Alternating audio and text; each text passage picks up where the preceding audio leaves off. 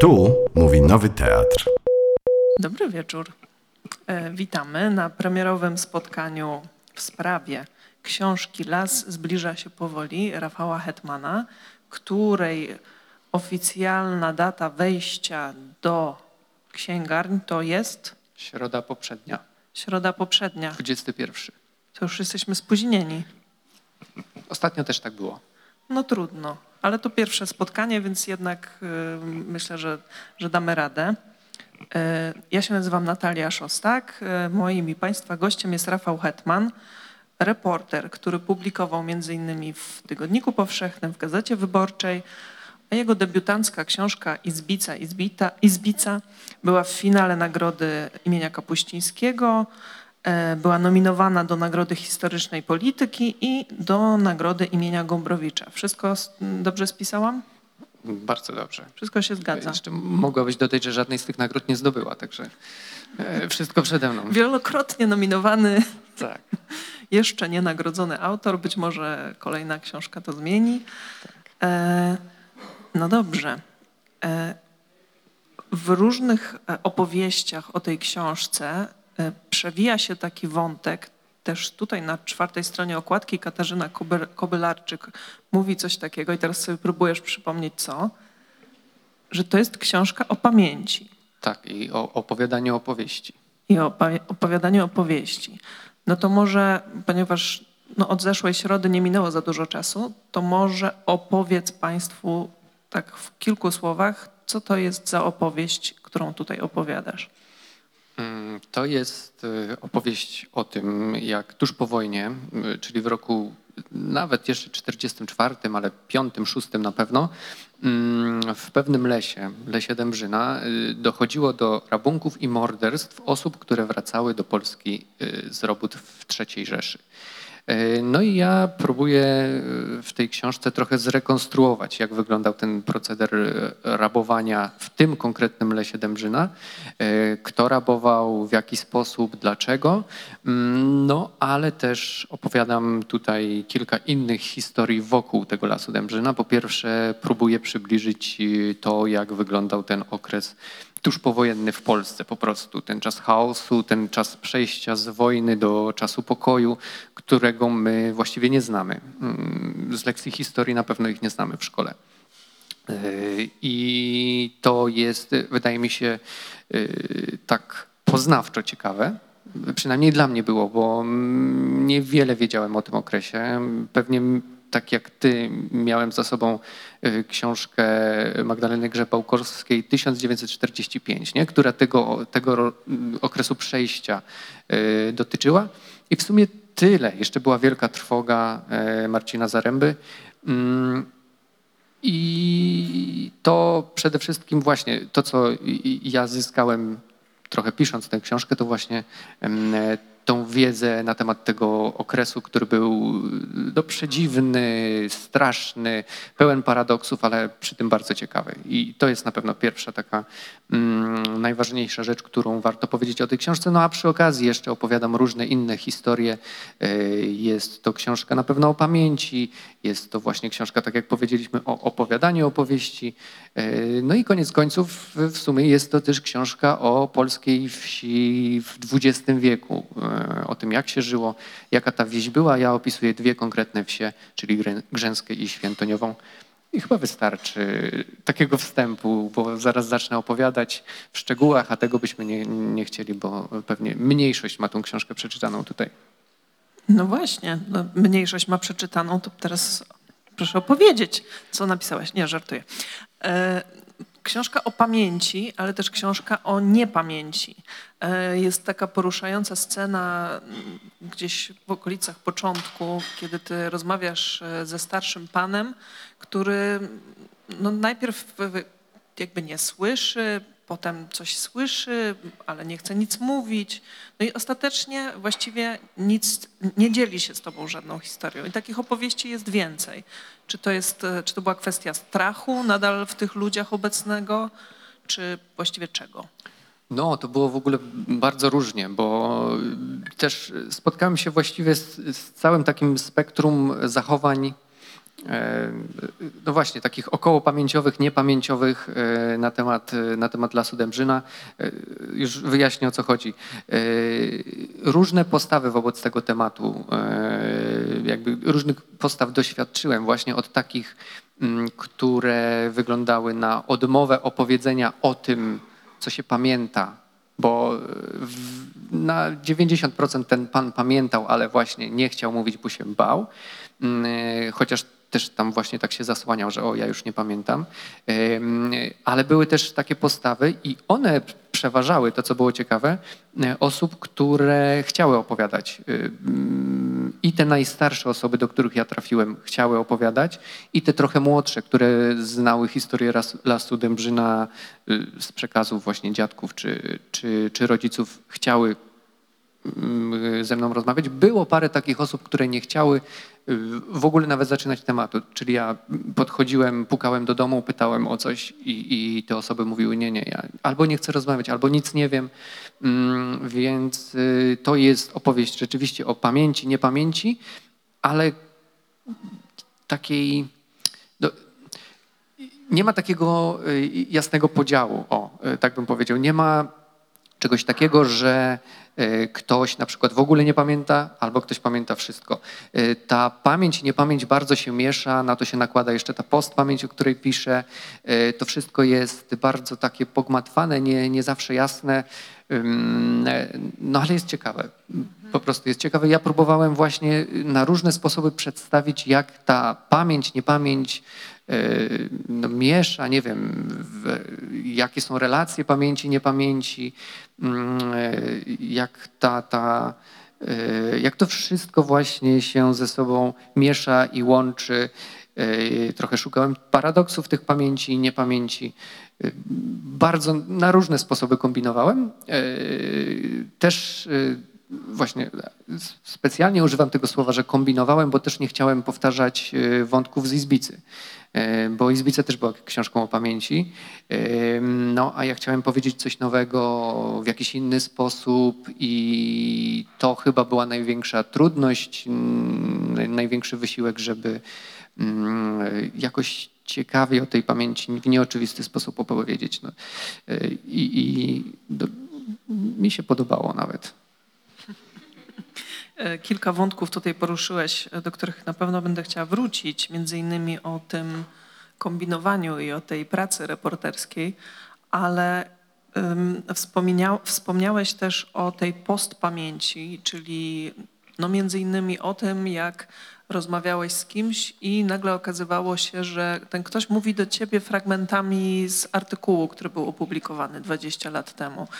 E, czy ty to uważałeś za jakąś przeszkodę w twojej pracy, w tym docieraniu do prawdy, czy, czy wręcz przeciwnie, to jest część tej opowieści? No właśnie, to, to jest część opowieści. To było dla mnie tym bardziej ciekawe, bo e, ja myślę, że gdybym, nie wiem, może z 5-10 lat temu zajął się takim tematem, mm, e, to próbowałbym szukać właśnie jakiejś jedynej słusznej wersji tej historii, nie? I próbować, no ja tutaj mam obowiązek wobec cie- ciebie, czytelniku, dowieść ci historię taką, jaką była naprawdę albo prawie naprawdę, E, a przez to właśnie, że, no, że była izbica, że sobie pewne rzeczy przemyślałem, też e, dużo więcej czytałem innych rzeczy, które na mnie wpłynęło jako na taką właśnie, no, na osobę piszącą, e, to e, zupełnie inaczej spojrzałem na temat i wszystkie te rzeczy, które mi się nie kleiły, e, ze sobą, jakieś sprzeczne wersje, jakieś właśnie nieścisłości, zapomnienie, albo spontaniczne, albo celowe. Wszystko to y, próbowałem, y, no nie próbowałem tego upychać do jakiejś takiej spójnej, jednolitej, arbitralnej, jak ja to nazywam w książce historii, tylko pokazać, jak to wszystko jest właśnie niespójne, jak to wszystko jest y, bardzo często pomylone, poplątane, bo to jest ciekawe po pierwsze, y, no a po drugie, no bliższe prawdzie. Trochę podobnie jak no, wspominasz właśnie o Izbicy, e, trochę podobnie jak w tamtej książce, tak mi się skojarzyło, kiedy przychodzisz do jednej z, z rozmówczyń ona ci mówi, że jakby pan przyszedł tu 4, 3-4 lata wcześniej, to zupełnie inne osoby by były jeszcze i by panu opowiedziały.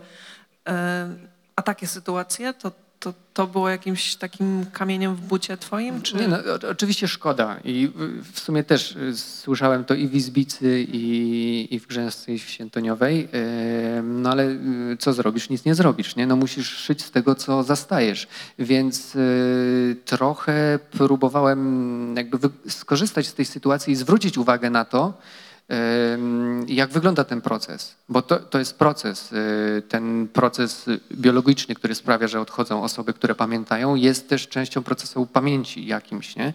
Y, bo właśnie tracimy źródła pamięci, z których moglibyśmy korzystać i też no, w książce to też jest zaznaczone, że bardzo, bardzo mocno wręcz jest zaznaczone, że ja o pamięci piszę jako o procesie, nie o czymś stałym, niezmiennym, y, czymś, co dostajemy w jakimś takim mniej więcej, e, no jak to powiedzieć, no w jakiejś takiej, e, Pojemniku? tak, w jakimś takim pojemniku i możemy to badać, nie? E, Ja chciałem zwrócić uwagę, że pamięć to jest właściwie niekończący się proces, który, jak to proces, zmienia się w ciągu, w ciągu wielu lat i, i to, że właśnie ktoś odchodzi i, i my przestajemy mieć dostęp do jakichś wspomnień, mm, taki bezpośredni, ale mamy na przykład poprzez opowieści, które ten, kto odszedł, nam opowiedział, my te opowieści nosimy w sobie, ale znowu tu wracamy do postpamięci, bardzo często te opowieści w jakiś sposób przekształcamy, w jakiś sposób coś dodajemy zasłyszanego, przeczytanego, obejrzanego i ta opowieść zmienia się, mm, ewoluuje yy, w jakiś sposób mm, mutuje o, y, w, w opowieść, która mm, może nie jest prawdziwa, ale niesie ze sobą prawdziwe emocje, bo, bo porusza w ten sam sposób, mm, jak te opowieści, które e, słyszeliśmy no nie wiem, od dziadków i pradziadków. Więc y, znowu nie bałem się tego, próbowałem zaprząc y, te wszystkie niedogodności y, no, na rzecz mojej pracy i wykorzystać je raczej jako atuty, a jeżeli nie jako atuty, to jako y, coś, czego na pewno nie należy się wstydzić. O, na przykład. Tak. Ta historia może nie jest prawdziwa, ale też nie jest nieprawdziwa. Tak. Jest i taka, i taka. E, Kilka razy już wspomniałeś o Izbicy i o tej pierwszej książce, którą napisałeś. Sytuacja była trochę inna, to znaczy ty byłeś wtedy debiutantem, podchodziłeś po raz pierwszy w ogóle do takiej dużej formy. E, To był też temat związany z tobą, z twoją rodziną w pewnym stopniu, bo jeździłeś na wakacje w tamte okolice. Mm, A tutaj sytuacja była inna, bo wydawnictwo już mając Izbicę zaproponowało ci ten temat. No i powiedz, co cię w tej opowieści jakoś zafrapowało, co sprawiło, że chciałeś o tym napisać? No właśnie. Często zadawałem sobie to pytanie pisząc e, i wyglądając deadline'u. E, Nie, no, w, w pierwszym momencie właśnie, kiedy dowiedziałem się o Lesie Dębrzyna, bo nie wiedziałem o nim, to, to, to mm, dowiedziałem się właśnie z propozycji y, Czarnego e, i gdzieś tam przeczytałem jakiś artykuł, e, to pomyślałem, że no, rzeczywiście to jest genialna opowieść, yy, żeby ją opowiedzieć, yy, żeby, żeby się za ten temat zabrać, yy, bo widziałem w tym po prostu sposób na powiedzenie czegoś więcej niż w Izbicy. To znaczy ja na przykład teraz po napisaniu tej książki traktuję sobie trochę te dwie książki tak jak taki dyptyk o pamięci, który można czytać jeden po drugim, bo Izbica jest dla mnie takim no powiedzmy przed pokojem, a to już jest powiedzmy salon, nie? I, I to było pierwsze, to znaczy y, ta możliwość powiedzenia czegoś więcej, czegoś, co właściwie tuż po publikacji Izbicy przyszło do mnie, o, jeszcze to mogłem opowiedzieć, jeszcze w ten sposób spojrzeć, jeszcze bardziej sobie utrudnić, nie? Y, To było dla mnie y, dużym takim impulsem, a poza tym, no, A nie chciałeś być jak Hanna Kral i przed każdym dodrukiem redagować na nowo swojej wydanej już książki? To znaczy mógłbym tak robić, bo mm, jak czytam, to czasami wyrywam sobie włosy z głowy. E, Tak, ja bym mógł poprawiać bez końca, rzeczywiście. E, No, ale no właśnie, to po pierwsze, że chciałem y, jakby pociągnąć kolejne tematy jakoś głębiej, ale też y, byłem ciekaw, tak po prostu, czy ja jestem w stanie napisać książkę jakby na zlecenie, Książka, która, która nie jest jakby tematem z serca, jak, jak była Izbica, jakimś takim trochę rodzinnym, trochę takim, no, na pewno y, bliższa była mi y, Izbica tematycznie i y, tak trochę sobie takie wyzwanie dałem, y, czy ja jestem w stanie napisać, Mm, ale ja bardzo szybko się zakochałem w temacie. y, W momencie, kiedy nie wiem, ze 3-4 miesiące po przyjęciu tematu, po, jakby po, po tym, że jak powiedziałem, że będę będę pisał tę książkę, e, porozmawiałem właśnie z głównym, jednym z głównych bohaterów, czyli Władysławem Łanią i on mi opowiedział o magicznym dębie, który uzdrawiał dzieci.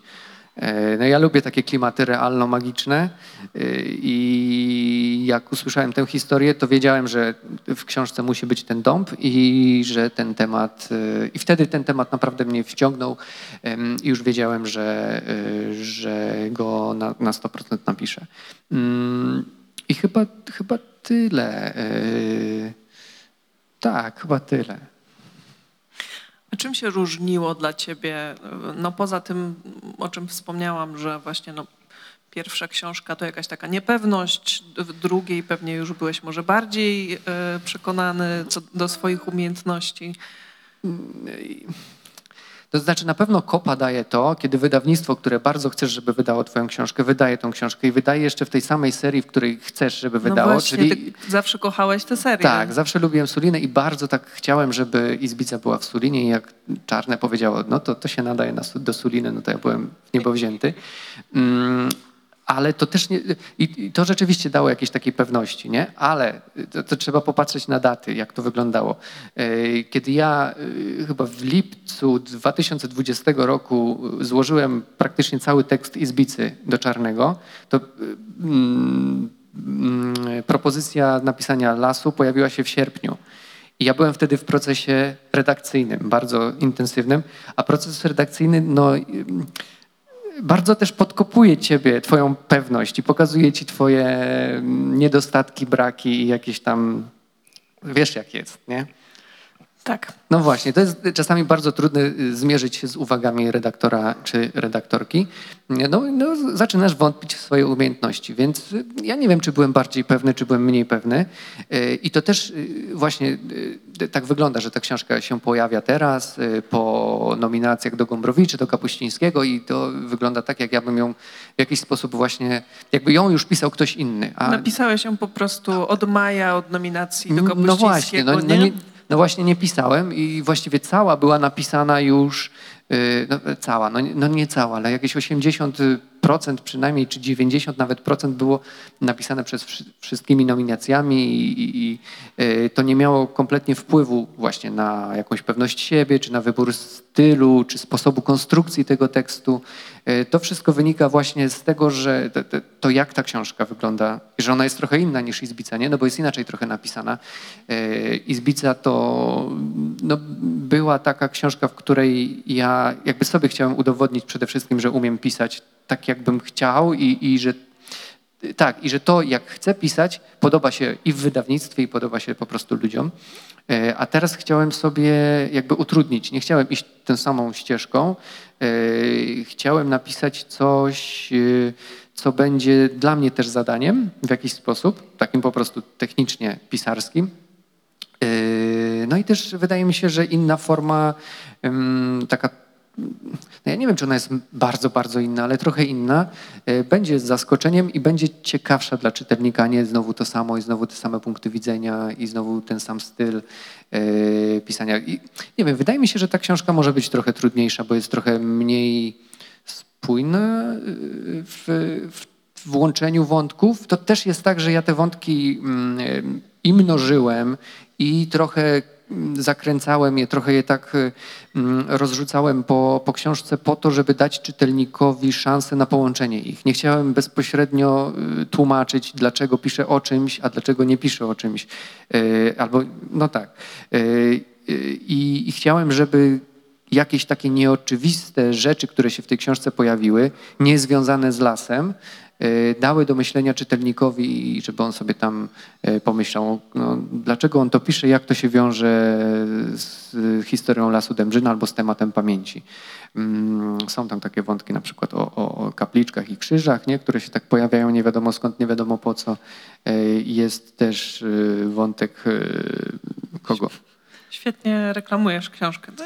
To, jakieś takie tu wątki Ja, my, ja myślę, że bardziej zachęcam, bo wiesz, bo jestem taki nie, tajemnicze. tak, taki tajemniczy, tak.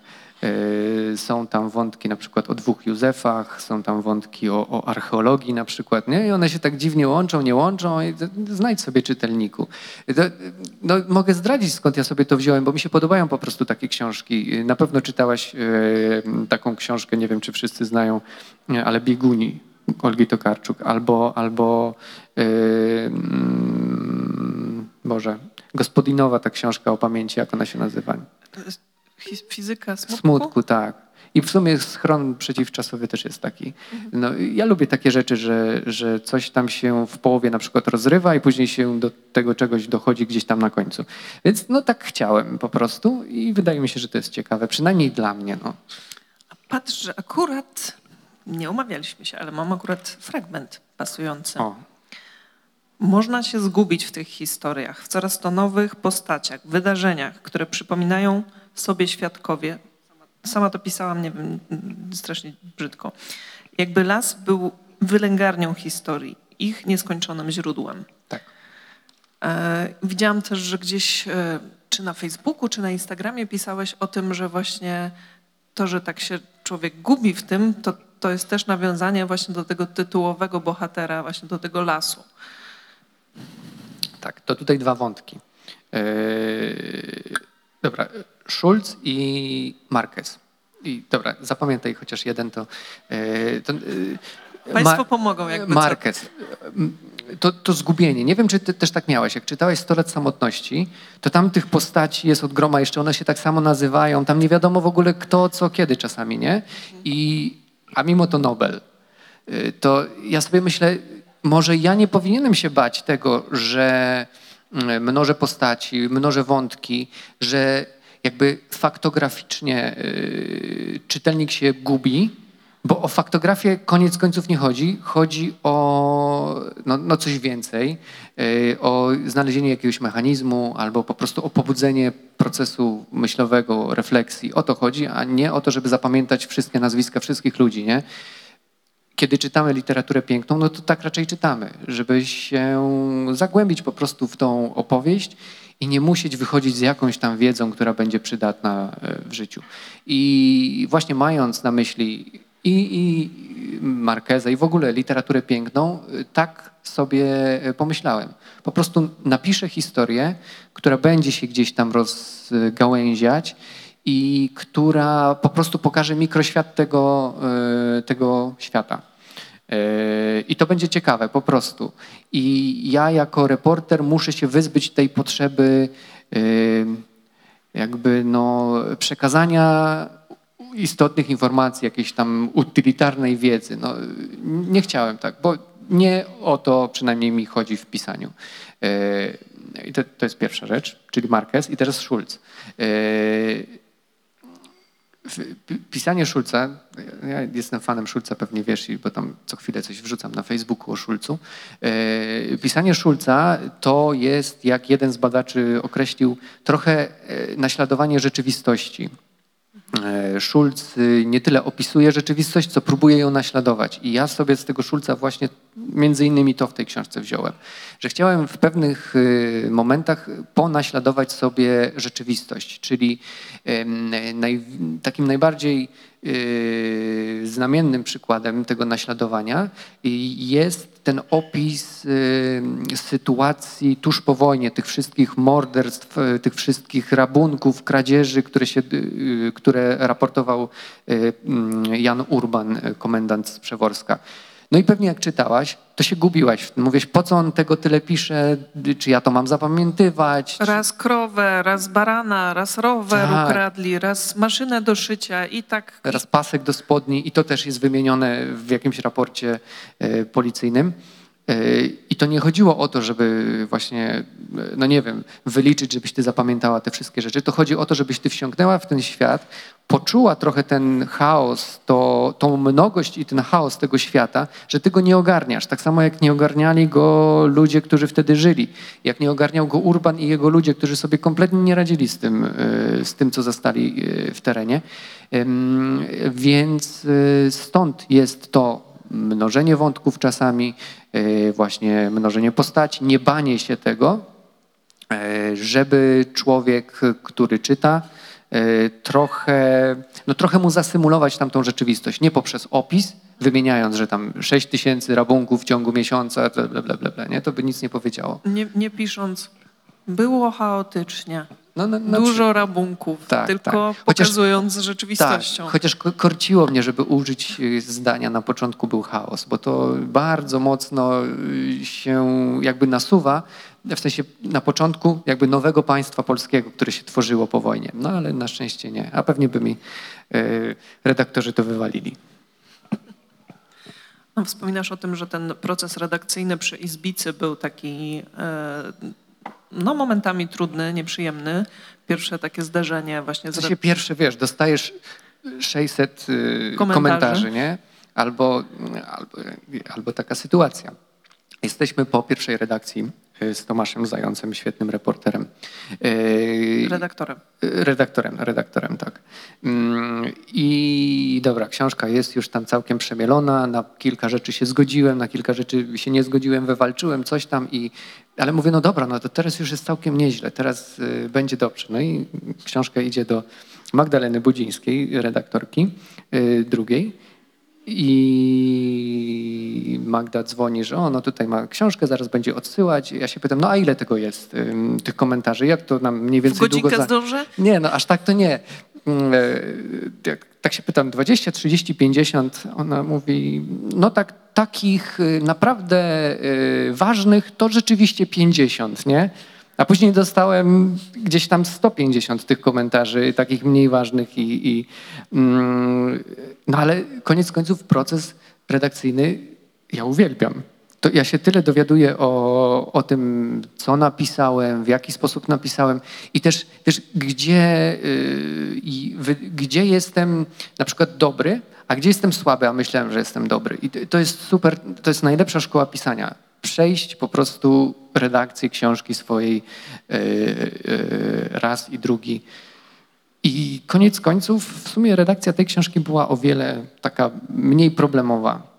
Izbica była bardzo tak fact-checkingowo, mocno, mocno dopracowana, to też, ale wydaje mi się, że tutaj o wiele łatwiej poszło, być może z tego względu, że już pisałem, wiedząc co będzie, o co będę mógł być pytany, więc już nie dałem redaktorom okazji do, do pytania o pewne rzeczy, bo, bo je po prostu dobrze napisałem. Yy, a, a, ym, no a teraz straciłem wątek, więc może być kolejne pytanie. Że redakcja tej drugiej książki była dla ciebie łatwiejsza Tak, już. łatwiejsza. Była i w ogóle super proces redakcyjny, super polecam wszystkim bardzo serdecznie. Jeżeli ktoś yy, chce pisać, mm, to, to, to, jest, to jest najlepsza rzecz.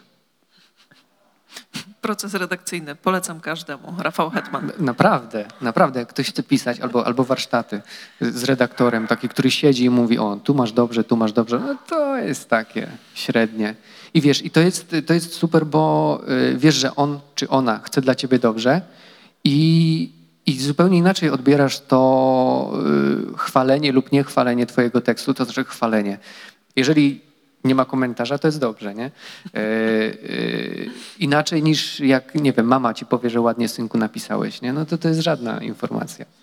A powiedziała? Nie no, powiedziała, oczywiście dumna jest mama. Już e, czyta tą, tą drugą książkę. E, No dobra, tak naprowadziłeś na taki wątek, e, którego w sumie tym razem nie myślałam, żeby ruszać, ale jak już tak nam naszło, przypłynęło nam. E, Mówisz o tym, o tej nauce pisania i o tym, że właśnie praca z redaktorem, z redaktorką to jest taka najlepsza szkoła, no bo właśnie dzięki temu, że to jest twój tekst i pracujecie razem. Mm, No, ale ty, razem byliśmy na warsztatach właśnie Czarnego, pisania prozą I czy teraz z perspektywy dwóch książek możesz powiedzieć, e, czy to było dla ciebie przydatne, czy nieprzydatne, czy warto na jakieś warsztaty chodzić, czy nie warto? Mm, Warto. Mm, I to było bardzo takie, jakby tu powiedzieć, mm, wskazujące kierunki. O, bo to y, warsztaty chyba, y, nie wiem, nie są w stanie nauczyć pisania tak po prostu od, od zera, ale właściwie ci, którzy zgłaszają się na warsztaty, to są zwykłe oso- osoby, które już coś piszą, już, by, już są świadome w jakiś sposób tego, że chcą na przykład poprawić właśnie swój warsztat. Nie? Mm, Więc mi y, na pewno najwięcej dały te zajęcia, które mieliśmy właśnie z Tomkiem Zającem, który siadał z naszymi tekstami i mówił, podkreślał, tu jest dobrze, tu źle, tutaj.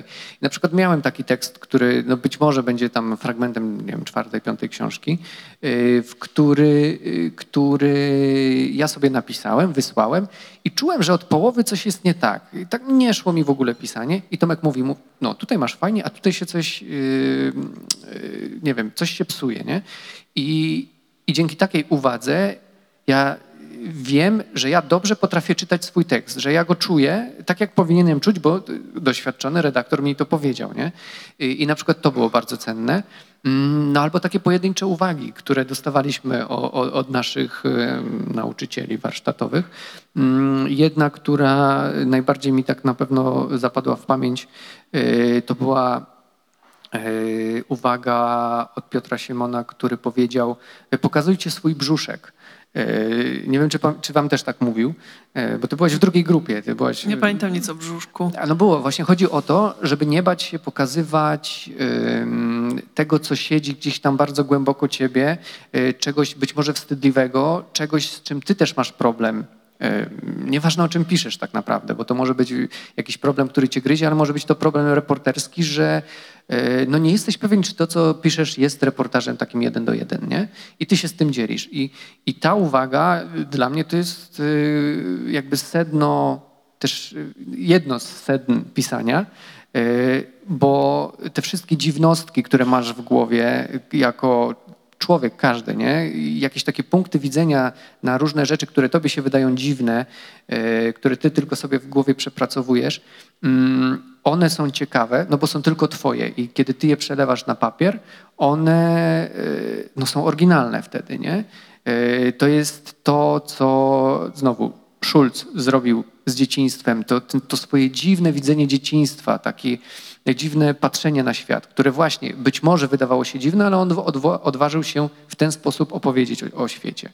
E, Albo, albo u, u, mm, u Gombrowicza e, też są e, te wszystkie takie, mm, wydaje mi się, też, no też na pierwszy rzut oka, kiedy się z tym stykamy, z pupą czy, czy z gębą, wydaje nam się, że to jest coś strasznie dziwnego, ale to jest bardzo oryginalne, to zapada w pamięć. I właśnie takie rzeczy y, już starałem sobie, y, starałem się pielęgnować, y, nie bać się ich, nie wstydzić, a najwyżej redaktor mi wyrzuci. No to, to jest świetne, mieć redaktora, który powie ci, że nie no, Rafał, to jest słabe. I Tomek mi na przykład powiedział w jednym tekście, w Izbicy, no tutaj nie, w Izbicy ja napisałem taki tekst, który właśnie kierując się e, tą zasadą, że to jest moje, moje dziwne widzenie świata, ja chciałem napisać tekst o Izbicy, że ja idę tą Izbicą i pod wpływem historii e, różnych mm, świat teraźniejszy nakłada mi się na ten przeszły. Ja widzę, że ulicą chodzi Toy Blat albo coś tam e, się dzieje, jakaś łapanka jest, no bo rzeczywiście tak miałem. Jak wchłonąłem te wszystkie obrazy, przy, zwłaszcza przy takim mocnym researchu, czytając wiele, wiele książek, to mi się to nakładało na, na świat realny. I napisałem tekst i Tomek powiedział, "Nie, nie, no to jest słabe, nie, nie, wy- wywalmy to. A ja mówię, no, no dobra, wywalmy, ale to ci napiszę coś innego, nie? I napisałem tekst o, o Paulu Oberlanderze, mój ulubiony. Mm, Trochę inny, trochę zupełnie niereporterski. E, No taka transakcja, nie? Też się można z redaktorem dogadać. Mm, Tak, więc o tym mówię. Trochę się rozgadałem. E, Nie wiem, czy na temat.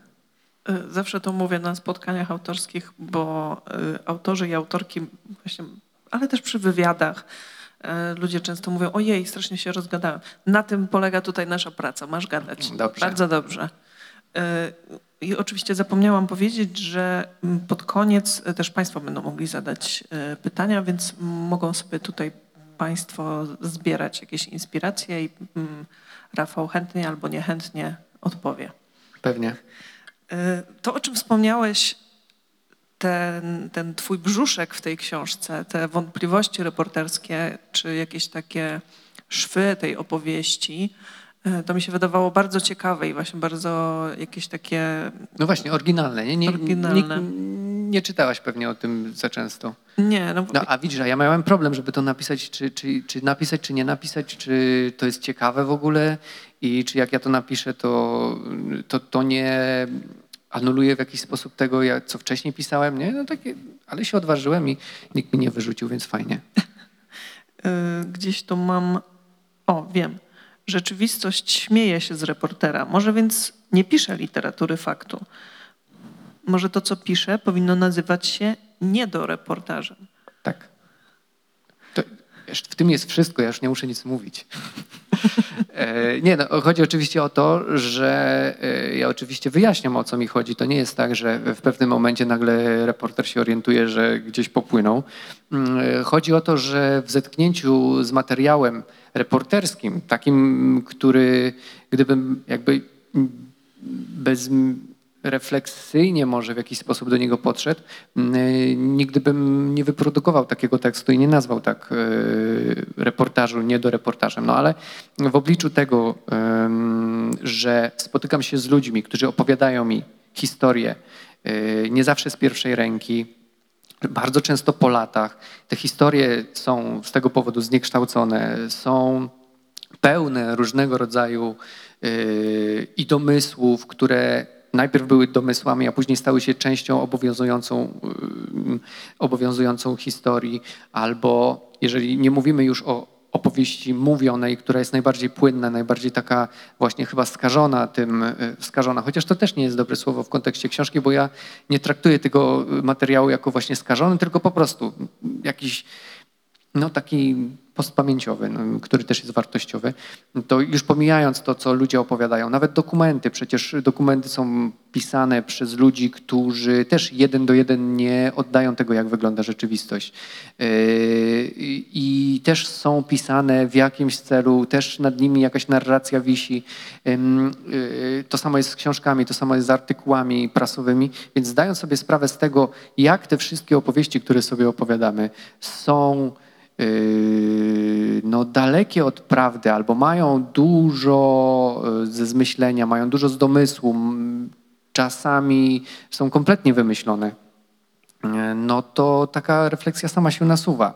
I tym tekstem, tym fragmentem chciałem na pewno zwrócić też uwagę czytelników, mm, żeby czytając inne teksty, zwracali na to uwagę, nie tylko tą moją książkę, bo to tak naprawdę, no oczywiście piszę o tej książce, trochę się tam, e, wiesz, stawiam w takiej pozycji, że no, piszę o moim tekście, że jest niedoreportażem, no ale mrugam do czytelnika, no drogi czytelniku, czytelniczko, e, pomyśl sobie o innych książkach e, na temat e, historii, czy tej nowej, czy, czy trochę starszej, czy one, mm, mimo tego, że o, obiecują ci, że opowiadają całą prawdę, no nie do końca może opowiadają. Bądź czujny. To jest też mm, taki apel do e, po prostu o uwagę, e, o uwagę, kiedy słuchamy jakiejś opowieści o historii, żebyśmy pamiętali, kto nam opowiada historię, dlaczego nam w ten sposób opo- opowiada historię. No tak, tak. Nie wiem, czy jesteś usatysfakcjonowana z tej odpowiedzi. E, Nie, wiesz, nie chciałbym jakoś tak bardzo, bardzo mocno w to wchodzić, żeby też czytelnik poznał kontekst e, cały, bo to może się tak trochę heretycko e, brzmieć, jak, jak mówię, że to reportaż, który wy- wyszedł w, serii reporterskiej jest niedoreportażem. No, proszę sobie przeczytać i zobaczyć, o co chodzi. A czy ten fragment i w ogóle jakaś taka twoja refleksja na ten temat mm, to jest jakieś takie pokłosie mm, tych dyskusji właśnie o prawdzie w reportażu, o tym, czy reporterzy mają prawo właśnie coś tam, nie wiem, Nie, nie, raczej nie. E, Ja akurat, kiedy to pisałem, czytałem dziennik Gombrowicza, A wiesz, jaki jest Gombrowicz? Gombrowicz jest taki, że, że e, wszystko bierze pod włos, e, jest prowokatorem i bardzo często najpierw mówi jedno, a później przeczy drugiemu. I mi się to bardzo podoba, bo e, pisząc tak, nie dajemy prostych, jednoznacznych odpowiedzi i możemy o wiele jeszcze mocniej pobudzić jakiś tam proces myślowy czytelnika i swój własny też. To też było dla mnie ciekawe, że ja się zacząłem zastanawiać nad, nad reportażem jako takim. No ale nie, kompletnie nie brałem u- pod uwagę tych y, historii, tych, tych dyskusji o prawdzie w reportażu. Y, Raczej to wypływało właśnie z chęci innego spojrzenia, jeszcze bardziej utrudnienia i sobie pisania, i czytelnikowi czytania, y, żeby ta historia y, no, nie dawała się- tak uładzić o, o w ten sposób. Jeszcze raz wrócę do Izbicy na moment, bo no zarówno tamta książka, jak i ta książka em, no w dużej mierze wzięła się z takiego chodzenia po domach, pukania, y, a ktoś jest może w ogrodzie, a ktoś y, na grządce y, i zastanawiam się jako osoba, która ma problemy w takich kontaktach bezpośrednich i tego typu pisanie książki jawi mi się jako koszmar. Jak Jak, ty sobie radziłaś z tym psychicznie, że przychodzisz i to nie jest pytanie, co najpiękniejszego pani pamięta w swoim życiu, tylko właśnie dokopujesz się do jakichś traumatycznych wspomnień, takich, których ludzie właśnie nie chcą pamiętać. Okej, to jeszcze a propos tego, e, zapamiętaj hasło przypadek, to ci zaraz coś opowiem ciekawego chyba. Ja rzeczywiście nie, no, dla mnie to jest ciężkie, straszne e, tak zagadywać ludzi, zwłaszcza, że ja mam e, też problem, że mi się wydaje, że ja im przeszkadzam, że ja im zawracam, wiesz, głowę, ja tu przychodzi, oni coś mają zrobić, a e, no. Przyjechał z tej Warszawy, tak, kręci tak, się, jeszcze, właśnie, jeszcze przyjechał tam z na daleko. grządki włazi. Dokładnie, no ale, mm, ale no muszę, w sensie to, to jest silniejsze, zwłaszcza jak wiesz, podpisałem już umowę i, yy, i mam deadline, no to, to naprawdę muszę, a odwlekam ten moment. Mm, ale z drugiej strony bardzo próbuję się też wczuć w tego drugiego człowieka yy, w taki sposób, że no, przychodzi do ciebie ktoś, jakiś reporter, Yy, I w sumie, kiedy do ciebie ostatnio przyszedł jakiś reporter, może to jest w ogóle ciekawe, może dla tej osoby to jest y, mm, jakiś taka nawet atrakcja w życiu, więc ja sobie tutaj z kimś porozmawiam, nie? I rzeczywiście tak było, bo w ogóle y, to jest bardzo ciekawe, że kiedy rozmawia się, zwłaszcza ze starszymi osobami, y, i to mam w przypadku Izbicy, tak było i w przypadku lasu, to jest dla nich, no właśnie, atrakcja, bo zwykle te osoby są samotne. Y, To jest dla nich y, też jakiś rodzaj nobilitacji, wydaje mi się. Ktoś ich wysłuchuje, poświęca im długo, dużo czasu, Y, więc dla nich to jest bardzo takie, no nie wiem czy miłe, ale, y, ale ja nie, mam problemu, y, pra, właściwie nie mam problemu y, z takimi bohaterami mm, y, przekonać ich do opowiadania o trudnych tematach, bo też na początku przecież nie zadaję e, najtrudniejszych pytań. E, W przypadku Izbicy, która no, też była trudnym tematem, e, ja po prostu pytałem, moim pierwszym pytaniem było, czy może mi pan, pani opowiedzieć coś o historii Izbicy, po prostu, co pan pamięta, najstarszego, moje ulubione pytanie. Jakie było pana pierwsze wspomnienie, nie? Pojawia się w Izbicy, pojawia się też tutaj, bo ono świetnie otwiera, I to nie jest też taki jakiś mój wybieg, yy, taki wiesz, skalkulowany. Mnie to po prostu interesuje. Jakie jest twoje pierwsze wspomnienie w życiu, nie? Nie wiem, dla mnie to jest interesujące, nie wiem jak dla państwa. Mm, I, i, od, wiesz, po nitce do kłębka przechodzimy dalej, dalej, dalej wchodzimy albo w las, albo wchodzimy w izbicę yy, i te osoby opowiadają. Kluczem jest przede wszystkim czas. Jeżeli się zostawi dużo czasu, y, to, y, to wtedy się pojawiają najciekawsze historie.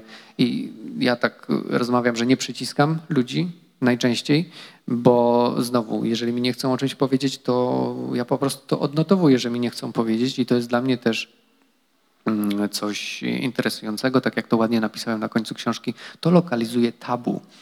Yy, I tak. No, ale, ale rzeczywiście wolę pisać. Jakby lubię ten etap e, tej ostatniej prostej, kiedy mam dużo materiału i mogę już zacząć pisać, myśleć, jak ta historia będzie skonstruowana, e, jak bohaterowie będą się w niej tam odnajdywać.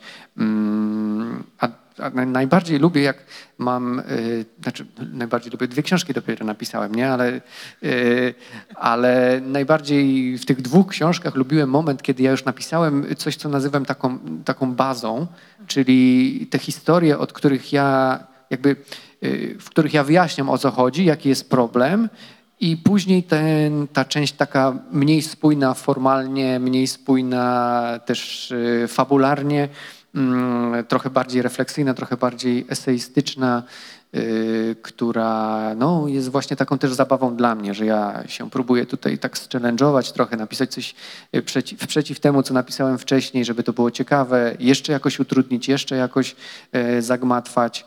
I to jest ta ostatnia prosta, którą lubię. Mm, Uprzedziłam cię przed spotkaniem, więc nie będziesz zaskoczony, ale mm, często jest tak, że jak się rozmawia z pisarkami, no to pada to pytanie mm, o to, jak się pisze, na przykład prowadząc dom albo mając dzieci. No i pisarki wtedy zawsze odpowiadają, że nikt nie zadaje takich pytań mężczyznom.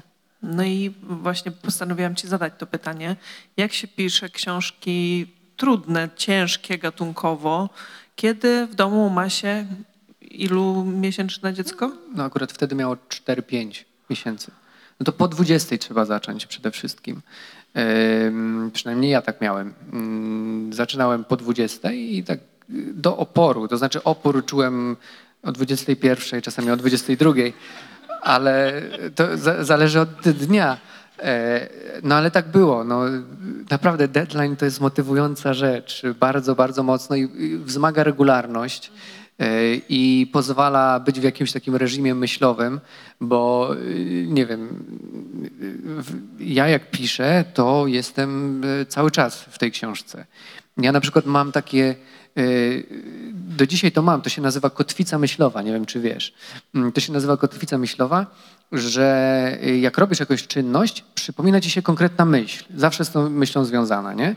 No ja tak mam, że kiedy y, kołyszę dziecko do snu, to mi się przypomina hrabia Lubomirski y, z, z książki, bo ja wtedy myślałem bardzo mocno o tym fragmencie. Ja byłem na tym, na tych pradziadku i dziadku Władysława Łani, którzy właśnie mają te, ten dąb i tam był ten hrabia Lubomirski, była ogrodzona dębrzyna tym parkanem. Ja mam cały czas te wspomnienia, właśnie tą myśl, kiedy wieczorem właśnie już jest ciemno, y, to, to końcowe już finalne na szczęście usypianie i, e, i, i mam to do dzisiaj. To nie, wiem, czy to jest kategoria jakaś traumy, czy, czy czegoś. Nie, żartuję oczywiście.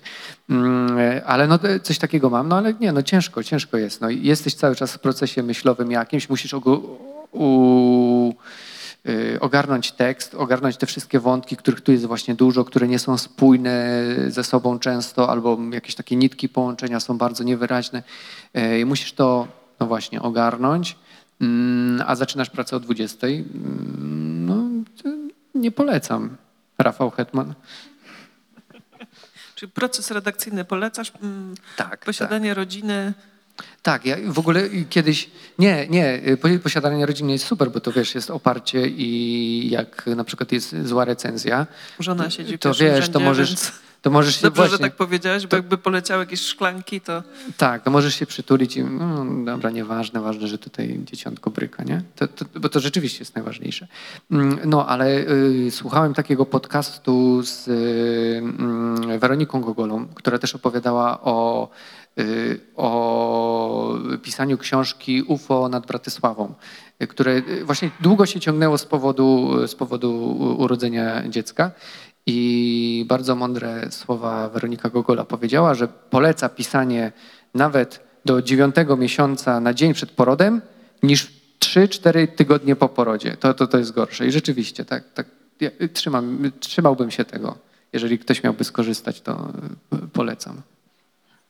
y, ciekawe, że wspominasz o Weronice Gogoli, bo ja mam z, z niej zapamiętane takie zdanie, y, które powiedziała, jak y, była nominowana do Nika za swoją poprzednią książkę. Powiedziała coś takiego, że w Krakowie to wszyscy cały czas piszą jakąś książkę i ona nie chciała być tą osobą, która po prostu przez 10 lat chodzi i opowiada, że już piszę, już piszę tę książkę. Tak sobie pomyślałam, że ja też nie chcę być tą osobą, która tak chodzi No, po tym ja jestem. Krakowie. No nie jesteś, bo napisałeś. No ale ja, ja już mam, wiesz, trzy projekty w głowie i na papierze pół. No nie, no nie pół, ale kilka stron po każ- w każdym. Naprawdę. Ja, ja, ja mam taką teraz erupcję jakby pomysłów, że boję się tego. I gdyby mi dano czas, to ja bym siedział i pisał i rok w rok wych- wy, wychodziłyby książki. Y, Ale na szczęście nie, bo, y, bo to też ma swoją złą stronę. To byłyby książki mniej przemyślane. I ja widzę, że y, książka, nad którą teraz najbardziej myślę, którą mam najbardziej przemyślaną, mam ją najbardziej przemyślaną i wydaje mi się najbardziej atrakcyjna z tych wszystkich projektów, które mam w głowie albo na papierze, no bo o niej, o niej myślę no, pewnie z 10 lat już. I mam świat wykreowany w głowie, strzałki porobione na, na kartkach, y, wiem o czym będzie, wiem jak się skończy, wiem jak się zacznie, y, tylko muszę napisać. Mm, No, ale dobrze, niech się to powoli wykluwa. A umowa podpisana? Nie, nie, nie wolno mieć deadline'ów na takie książki. Yy, Nie, bo to, de, mm, to trzeba. Jeden deadline mi na razie wystarczy, ok. Jak napiszę, to, to się zgłoszę. Ale co to znaczy jeden deadline ci wystarczy? No, w sensie, w sensie jeden ten- deadline na ten to. już za- tak, spełniony. Tak, ten już spełniony i na razie chciałbym nie myśleć deadline'owo, tylko właśnie sobie na spokojnie przemyśleć książkę. No dobra, zbliżamy się do końca, więc Państwo, tak jak obiecałam, za chwilę będą mogli zadawać pytania. Tutaj Łukasz z Nowej Księgarni krąży z mikrofonem, a ja jeszcze, zanim e, Państwo się zbiorą, to jeszcze zadam pytanie, czy możesz w ogóle powiedzieć coś o tej trzeciej książce, nad którą pracujesz? Czy to jest sekretny Znaczy, tak, sekret? ja, oczywiście, ja mogę powiedzieć, ale to ja nie gwarantuję, że to się akurat wydarzy, bo y, mogę jej nie napisać i uznać, że, y, że napiszę jakąś inną, ale mam w głowie prozę po prostu. Prozę taką, no powiedzmy autobiograficzną, ale to będzie proza bardzo mocno przepuszczona literacko. To, znaczy ta, ta autobiograficzność będzie bardzo literacko mm, przepuszczona przez, znaczy przez filtr literacki, o tak. Y, I to będzie takie, mam nadzieję, że to będzie można o niej powiedzieć e, dziwna książka. O. I to by był dla mnie komplement, bo ta, teraz takie tematy mnie interesują. Ym, No i chyba tyle, bo naprawdę wszystko się, mimo że e, mam ją przemyślaną, wszystko się jeszcze wykluwa i ym, ale ten autobiografizm chciałbym zachować na pewno. No kurczę, no dobra, to czekamy. Wiesz, i będzie z brzuszek będzie pokazany. Będzie Bardzo brzuszek. mocno, dużo takich brzuszków różnych. No dobra, to kto się odważy pokazać brzuszek i zadać pytanie? Nie no, może być jakieś proste też. Nie musi być takie brzuszkowe. E, Ja mam następujące pytanie. E, Jeżeli chodzi o mm, jak gdyby literaturę faktu, no to jak gdyby mm, samo przez się rozumie się, że jest ważne, żeby te mm, opowieści były w jakiś sposób potwierdzone. I też zastanawiam się, na ile w takim właśnie procesie, czy redakcyjnym, czy w ogóle twórczym, e, te źródłowe takie z e, tego procesu badawczego, powiedzmy, e, materiały, ile tych materiałów nie jest wykorzystanych później w końcowym jakby dziele. No, to oczywiście wszystko musi być potwierdzone. To znaczy, e, jeżeli jakieś fakty historyczne przy, przedstawiam, no to mogę wskazać albo książkę, albo dokument jakiś, z którego mam dany fakt. E, Może nie z głowy, ale po sprawdzeniu, ale mogę. E, Więc e, to, to- jest bardzo istotne, zwłaszcza w tematach też trudnych, które właściwie w obu książkach poruszam, żeby nikt tam nie zarzucił, że coś tam nie, nie, nie jest, że coś nie jest prawdą. Mm, I tak samo jest, jeżeli chodzi o rozmowy z mieszkańcami, to znaczy e, wszystko to, co mieszkańcy mi powiedzą, ja po pierwsze muszę mieć jakoś zapisane, żeby się do tego odnieść, jeżeli ktoś by mi powiedział, że o tutaj nie napisałem prawdę. I bardzo często jest też tak, że wypowiedzi y, osób, które się y, w książce znajdują, no w jakiś sposób sprawdzam, na ile się da w źródłach. No to, to jakby podstawa takiej pracy też y, dziennikarskiej. Oczywiście nie da się wszystkiego sprawdzić, bo nie jestem w stanie sprawdzić, czy rzeczywiście ten magiczny dąb tam był, ale tak jak mówię, zawierzam mojemu rozmówcy, który też nie ma, mm, e, nie ma potrzeby, żeby mi kłamać. Więc na, na pewnym poziomie też muszę e, zaufać swoim rozmówcom, właśnie zwłaszcza kiedy rozmawiam prywatnie i są to rzeczy, które są niesprawdzalne de facto. A jeżeli chodzi o ten materiał, e, który został niewykorzystany, to e, w sumie było go dość dużo z tego względu, że na przykład miałem masę materiałów e, z IPN-u na temat e, działalności różnego rodzaju band w tym 44, 5, 6 roku. E, I zresztą tak jak napisałem w książce, gdyby to wszystko, co miałem wydać w książce, to, to byłaby to grubsza książka niż ta. Więc siłą rzeczy e, musiałem selekcjonować fakty mm, i selekcjonowałem na takiej zasadzie, że wybierałem jakąś taką reprezentację w miarę prawdziwą, że jakieś e, decydowałem się przedstawić kilka mm, grubszych rzeczy, kilka mniejszych, kilka zupełnie malutkich, żeby oddać też proporcję, jaka w tych dokumentach wy, wy, e, występowała, więc y, tak to wyglądało. W przypadku Izbicy to było ciekawe, bo mm, y, tam w ogóle się zdziwiłem, że jest tak dużo materiału i było na tyle dużo materiału, że niektóre wątki niektórych bohaterów, życiorysy niektórych bohaterów, które są w jednym rozdziale tak króciutko tylko opisane, mógłbym rozwijać do naprawdę dużych, no ale to już było bez sensu, bo to się potwierdzały jakieś mechanizmy wcześniej opisane, więc z tego po prostu rezygnowałem. No i tak, chyba. Dzięki.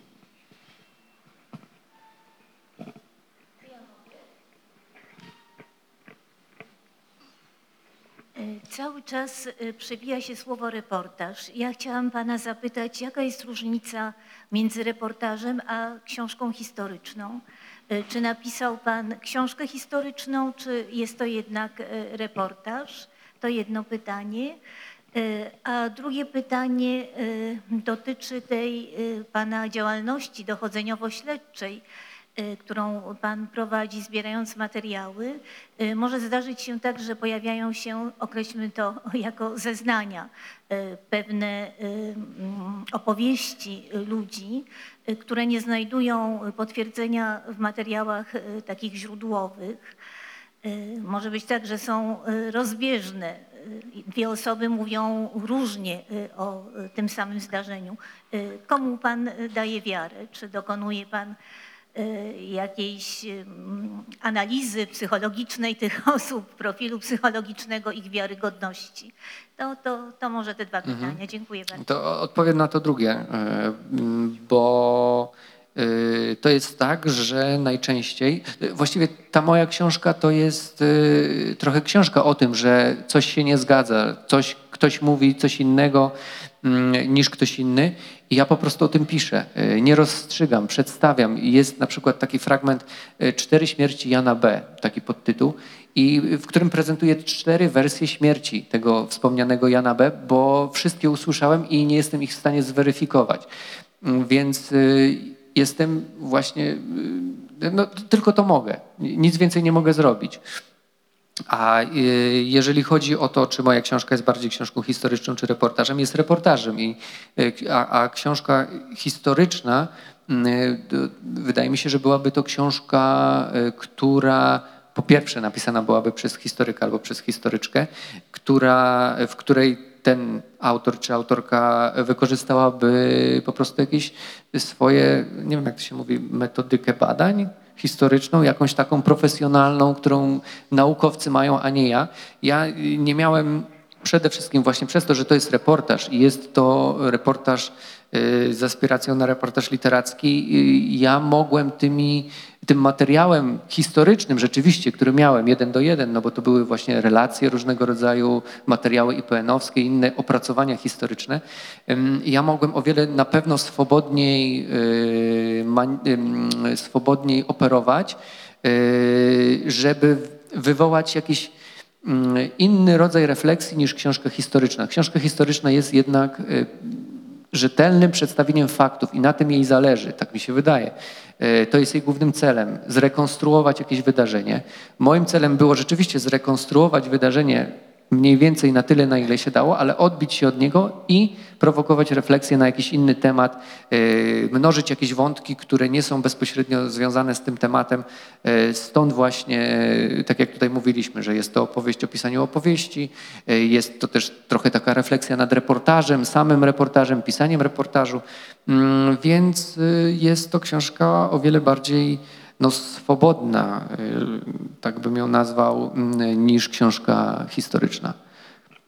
Niemniej bardzo dbaliśmy o to, żeby wszystko się zgadzało i, fact-checking też był naprawdę y, mocny i kilkukrotny, więc y, to nie jest tak, że gdzieś sobie tam odpuszczaliśmy w tej warstwie faktograficznej, Mm, no ale koniec końców nie o, nie o tą warstwę chodziło tak naprawdę.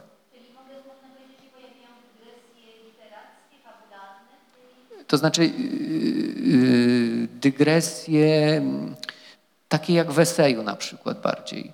Yy, Czasami, y, tak jak historyk nie pozwala sobie na dywagacje, ja sobie pozwalam na przykład na yy, nie na domyślanie się, co się stało, tylko na mm, zastanawianie się, co znaczy to, co ja na przykład znalazłem. O. Historyk raczej tego nie robi.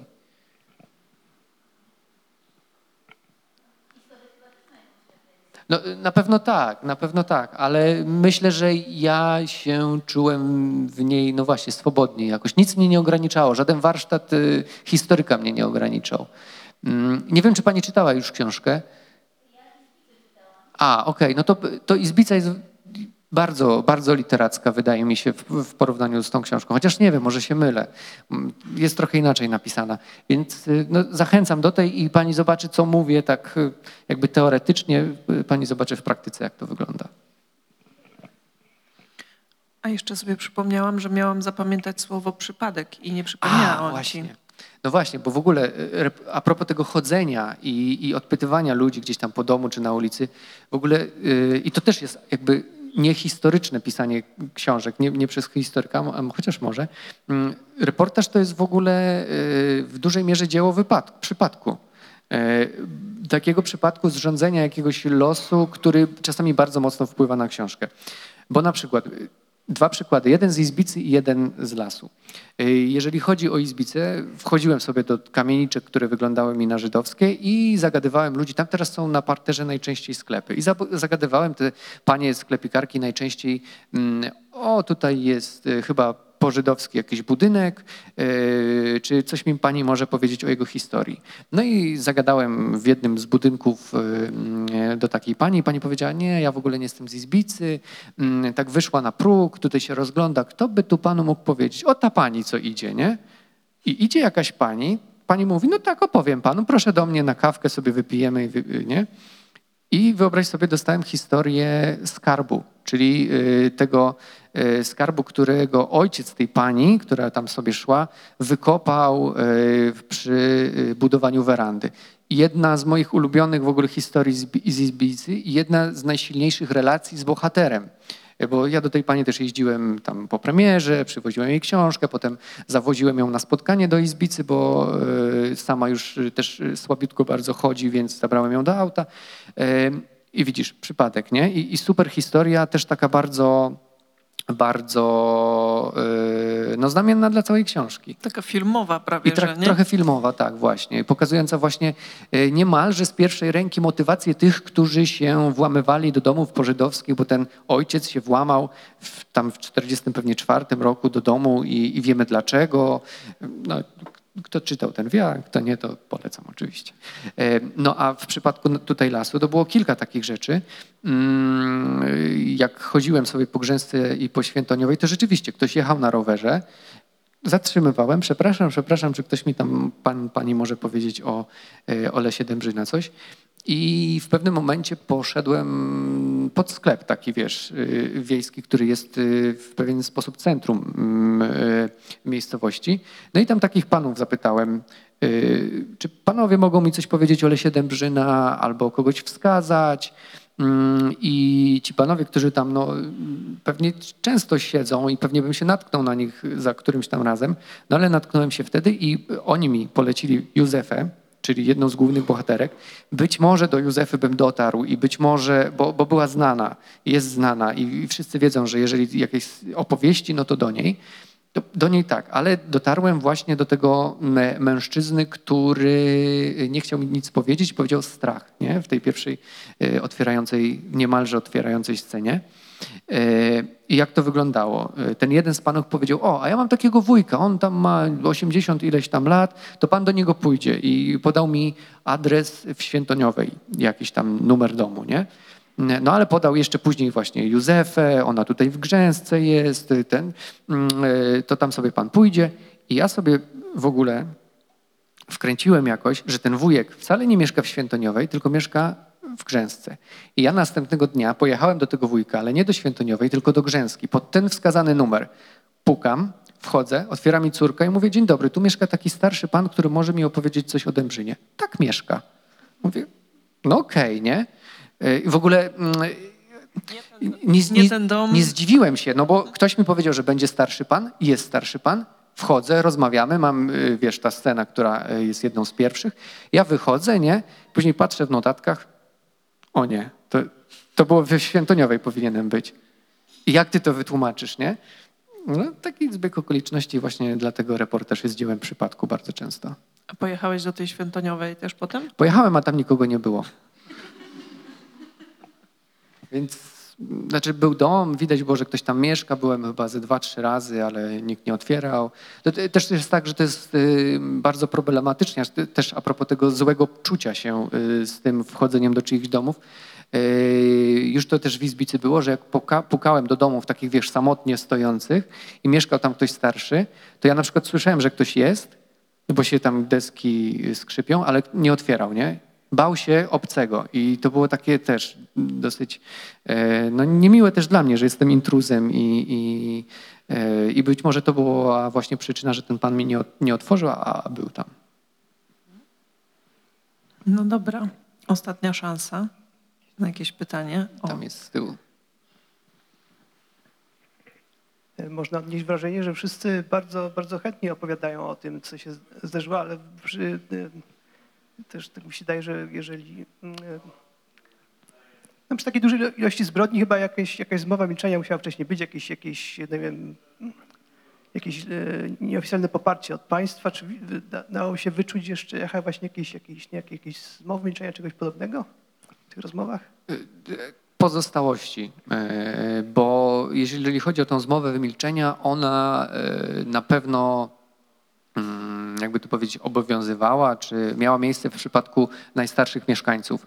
Przez to, że e, przez to, że najstarszych mieszkańców już teraz jest bardzo niewielu, e, a wielu nawet z tych najstarszych, tak jak właśnie Władysław Łania czy, czy Józefa Misiąg, już po latach zdecydowali się mówić, to e, ta zmowa milczenia jest teraz mm, o wiele mniejsza. I to też wynika z, po pierwsze z upływu czasu, a po drugie z tego, że wiele osób przede mną, zresztą ja piszę o tym w książce, wiele osób przede mną zajmowało się tym tematem i jakby przetarło mi szlaki, więc ja nie byłem pierwszym, który po latach przychodził znikąd i, i pytał o, o Las Dębrzyna, tylko byłem którymś tam z kolei, więc na pewno było mi łatwiej, no ale tak jak mówiłem, y, niektóre osoby rzeczywiście y, mówiły, że nie, ale ich była mniejszość jednak. Ym, No, tak bym odpowiedział na to pytanie. A, jest jeszcze jedno.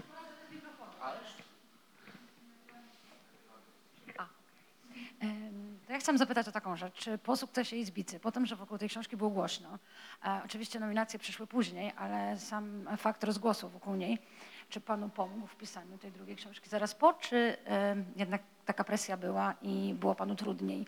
Coś w stylu debiut rokowego zespołu jest pierwszy, najlepszy, a trochę ciężko się przebić z drugą płytą.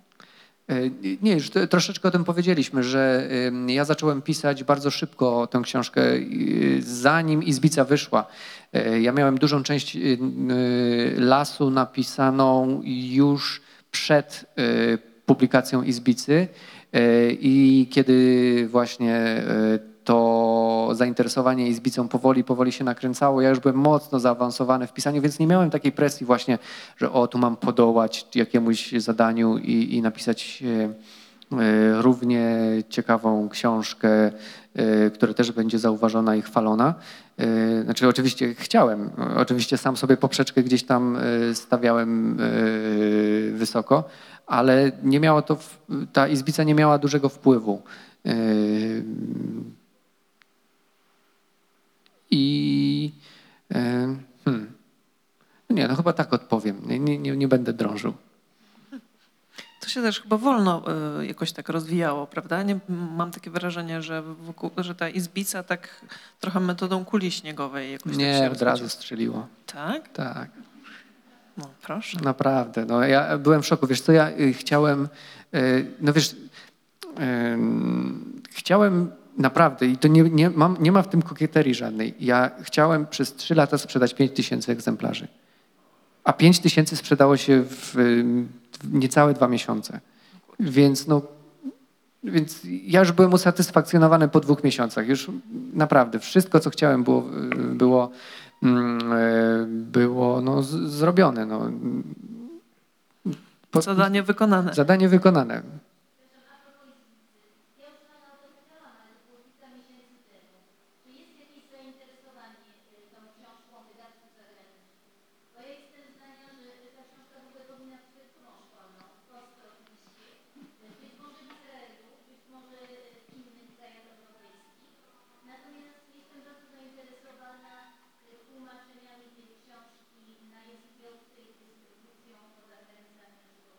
No ja też jestem bardzo zainteresowany, E, ale na, na razie nie, nie mam takich głosów, e, ale każde z otwartymi ramionami przyjmę. Także.